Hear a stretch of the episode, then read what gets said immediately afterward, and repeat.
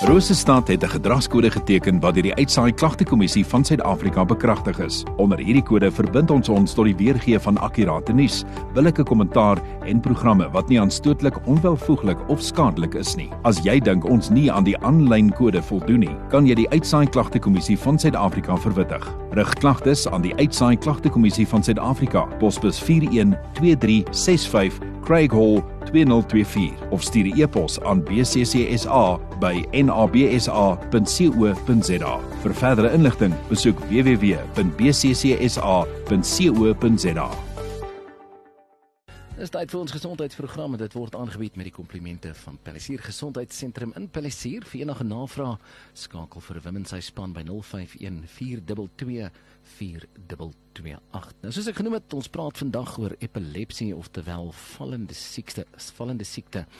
Nou die eerste vraag aan uh, Wim Groblaar van Palisier Gesondheidssentrum is: Wat is epilepsie en is daar verskillende soorte epilepsie? Baie vorms van epilepsie word gekenmerk deur sigbare aanvalle wat stuiptrekkings gepaard gaan maar daar is ook baie subtiele vorms van epilepsie waar mense dit skaars kan opwerk opmerk. Interessant genoeg dat ten minste 1 uit elke 10 mense kan 'n aanval kry. En ongelukkig as jy een keer wel 'n aanval kry het, is jou kans so groot soos 40% om weer 'n tweede aanval te kry. En ek dink dit is so 'n bietjie belangrik om daarna te kyk. Nou gewoonlik is by epilepsie 'n breinversteuring word die kort aanvalle veroorsaak aanval duur gewoonlik minder as 5 minute. Die situasie wat van die begin van die artikel dalk nou maar belangrik is om oor te praat, praat ons oor twee verskillende soorte, soos die grand mal en dan die petit mal. Nou interessant genoeg, die grand mal is waar ek gewoonlik die toename in elektrisiteit in die breinselle so erg is dat dit eintlik 'n amper sal ek sê 'n afsluiting veroorsaak.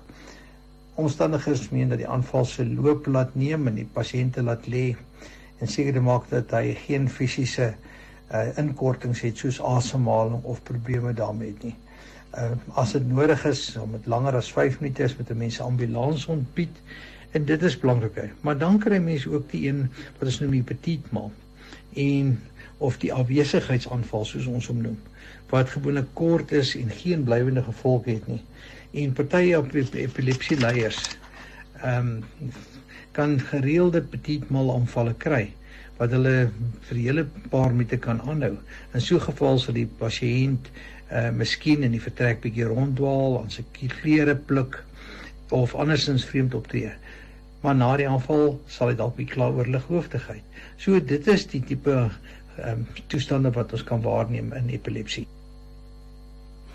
Wim Groblaar van Palisier Gesondheidssentrum en Apteek en ons praat vandag oor epilepsie. Nou eh, Wim, wat doen ek as ouer? Ons gaan Wat doen ek wat as ouer? Gewoonlik dat ek net daar so daai ja, knoppie. Nou, wat doen ek as ouer of buitestander om te help? Wat doen ons gewoonlik nou met so aanval?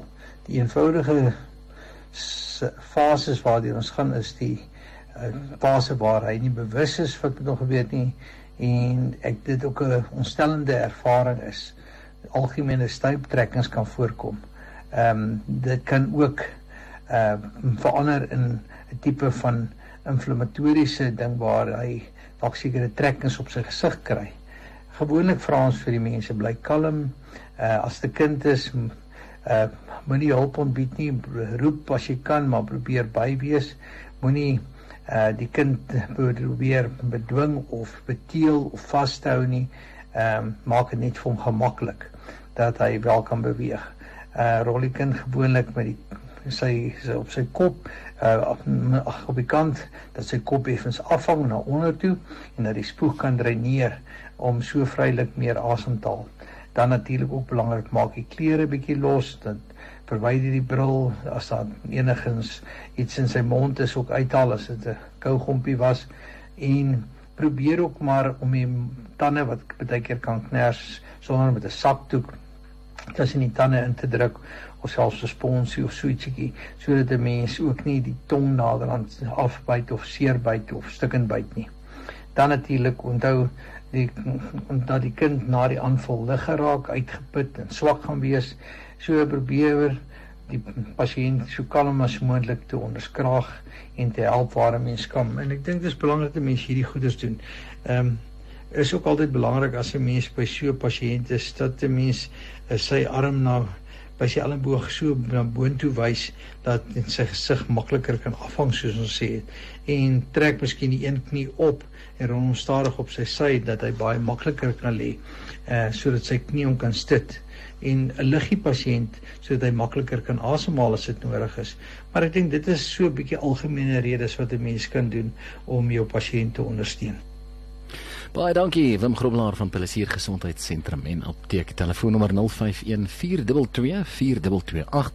Ek kry hulle daar oorkant president Brand skool. Voorskrifte word geresepteer terwyl jy wag of neem 'n foto van jou voorskrif en stuur dit met 'n WhatsApp of jou dokter kan dit sommer e-pos en ook sodoende jou wagperiode so bietjie te beperk. En dan kan dit afgehaal word sodra dit reg is. Dit kan ook vir jou afgelewer word. Hulle kontak jou sodra dit gereed is of hulle lewer dit vir jou af. Betalings kan jy gerieflik doen met jou kredietkaart of Samba. Jy kan ook vir jou voorskrif WhatsApp na die volgende lyn 076 7005463.